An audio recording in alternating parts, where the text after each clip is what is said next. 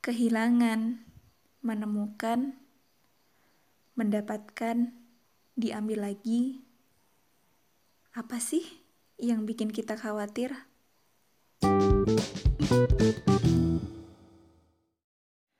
Hai sister, Assalamualaikum warahmatullahi wabarakatuh. Gimana nih kabarnya? Semoga tetap baik-baik aja ya. Semoga tetap semangat meski kurva pandeminya belum melandai.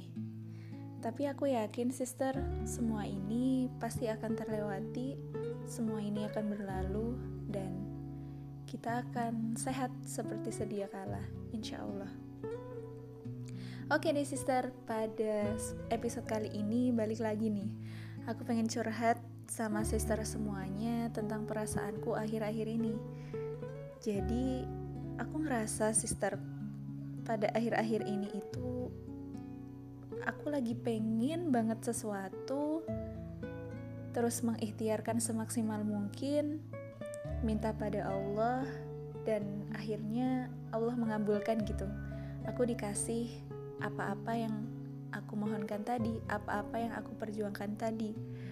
Tapi lama-lama aku ngerasa ketika aku dapat apa yang aku inginkan itu Aku jadi takut, sister. Allah bakalan ngambil lagi apa yang menjadi keinginanku ini gitu. Pernah gak sister ngalamin yang kayak gitu? Misalnya nih, misalnya dulu gak punya teman, terus sister berdoa, ya Allah aku pengen dong punya teman yang bisa ngertiin aku. Terus tiba-tiba nih Allah pertemukan sama seseorang dan jadi teman sister semuanya. Nah, ketika pada suatu masanya teman sister tuh menikah tuh. Dan apa ya karena kesibukan barunya adaptasi barunya lupa sama sister. Kayak gitu. Atau pengen banget suatu pekerjaan tiba-tiba karena pandemi ini dirumahkan. Atau pula punya HP pengen banget punya HP A sudah kebeli tuh HP-nya ternyata dicuri sama orang kayak gitu Sister pernah ngalamin yang seperti itu nggak? Atau sekarang lagi ngerasain perasaan yang sama denganku ya? Nggak um, apa-apa. Kita lanjut dulu ya, Sister. Kalau Sister punya pertanyaan yang sama denganku, apa Sister juga punya pertanyaan selanjutnya yang sama juga denganku?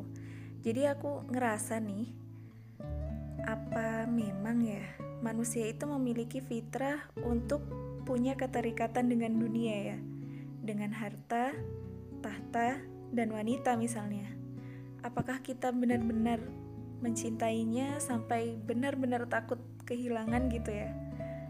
Apakah benar-benar hati kita itu terikat padanya sehingga ketika apa-apa yang dari awal bukan milik kita itu Allah ambil lagi, kita bakal sedih banget gitu.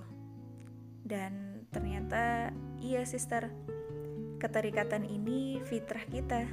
Seperti yang Allah firmankan dalam surat Ali Imran ayat 14 yang artinya dijadikan terasa indah dalam pandangan manusia terhadap apa yang diinginkan berupa perempuan-perempuan, anak-anak, harta benda yang bertumpuk dalam bentuk emas dan perak, kuda pilihan, hewan ternak, dan sawah ladang. Itulah kesenangan hidup di dunia, dan di sisi Allah lah tempat kembali yang baik. Hmm. Dari ayat ini, kita bisa tahu, sister, kalau sebenarnya fitrah kita memang sama Allah dijadikan terasa indah yang seperti ku sebutkan tadi, atau seperti yang ayat ini sebutkan. Tapi Pernah nggak sister dengar ungkapan yang disampaikan oleh Ali bin Abi Thalib radhiyallahu anhu tentang bagaimana cara kita meletakkan dunia ini gitu. Kata beliau, dunia ini selayaknya kita letakkan di tangan, bukan di hati. Nanti ketika dunia ini diambil sama Allah lagi karena kita tidak pernah memilikinya, maka tidak akan sesakit itu jika dunia itu letaknya di hati. Nah, tapi gimana sih caranya kayak gitu gitu sister? Pasti secara alami alami secara fitrahnya pasti sedih nggak sih ditinggal atau um, punya ketakutan tersendiri gitu? Kalau hal-hal yang tidak enak akan terjadi pada diri kita. Dan aku cari-cari nih sister literatur untuk sedikit mengobati insecureku yang aku ceritain di awal tadi sama sister yaitu bukunya Ustazah Yasmin Bogahead yang judulnya Reclaim Your Heart. Jadi kayak kita kembali memenangkan hati kita gitu intinya pada buku itu. Nah, pada buku itu ustazahnya mengibaratkan kehidupan dunia ini dengan ibarat yang sangat indah sister dan sangat masuk akal menurutku. Kata ustazahnya gini nih sister Ibarat dunia ini adalah samudra, dan kita sedang berlayar di atasnya, tentu kita tidak akan membiarkan kapal kita karam sebelum sampai tujuan. Kita tidak akan dengan sengaja melubangi kapal kita sendiri, dan tentu saja kita tidak akan pernah menenggelamkan diri kita ke samudra dengan sengaja, kan? Namun, ada kalanya memang kita terlanjur jatuh cinta pada samudera ini. Lalu kita coba-coba nih untuk berenang, terjun ke dalamnya. Eh, tapi kita tenggelam ke dasarnya. Nah, sekarang pilihannya ada di tangan kita. Apakah kita akan terus berada di dalam sana, dalam kegelapan, keterpurukan, keputusasaan, kehampaan, kesendirian, atau memilih mengambil mutiara terindah dari dasar samudera itu, lalu berenang kembali ke permukaan. Yap, sister, aku memilih yang kedua. Aku ingin banget membawa mutiara terbaik untuk nanti akhirnya berhenti pada pelabuhan terakhirku. Kalau sister pilih yang mana nih? Boleh kok kita sedih karena kehilangan misalnya. Boleh kok kita takut karena kehilangan. Atau boleh banget kita merasa apa ya, perasaan yang gak enak banget saat itu terjadi. Tapi apakah kita akan terus berada di perasaan itu atau bangkit mengambil sebaik-baiknya hikmah lalu menemukan karunia Allah yang lain. Nah, ngomong-ngomong tentang karunia nih, ustazahnya lalu melanjutkan. Semoga kita tidak pernah lupa dengan siapa yang memberi karunia itu, sister, agar kita tidak salah fokus untuk lebih berbahagia dengan apa yang dikaruniakan daripada siapa yang mengkaruniakan. Allah itu baik banget, sister. Ketika kita lupa dengan Allah dan menggantikan apa ya posisi Allah di dalam hati kita dengan apa-apa yang kita terikat dengannya seperti harta tahta dan wanita tadi Allah nggak pengen gitu hati kita itu terikat sama selain dirinya. Lalu kita coba tuh disadarkan sama Allah dengan mengambilnya begitu. Agar hati kita tetap kokoh dan tetap bergantung kepadanya gitu sister. Nah Sister tahu nggak kalau hati yang rapuh itu sebenarnya tergantung pada apa yang menjadi pegangan kita gitu.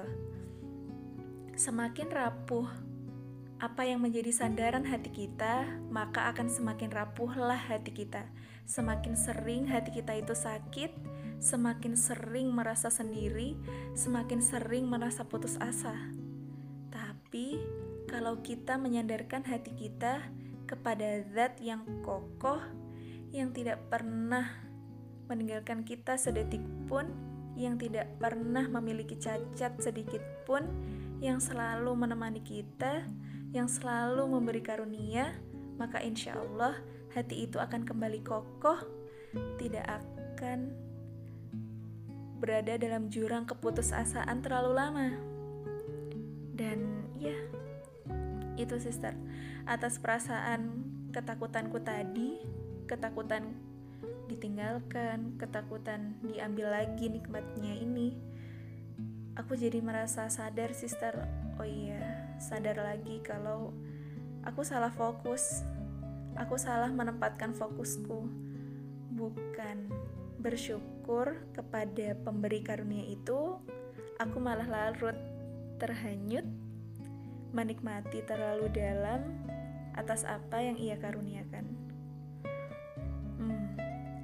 ternyata butuh seni juga ya sister dalam mencintai sesuatu.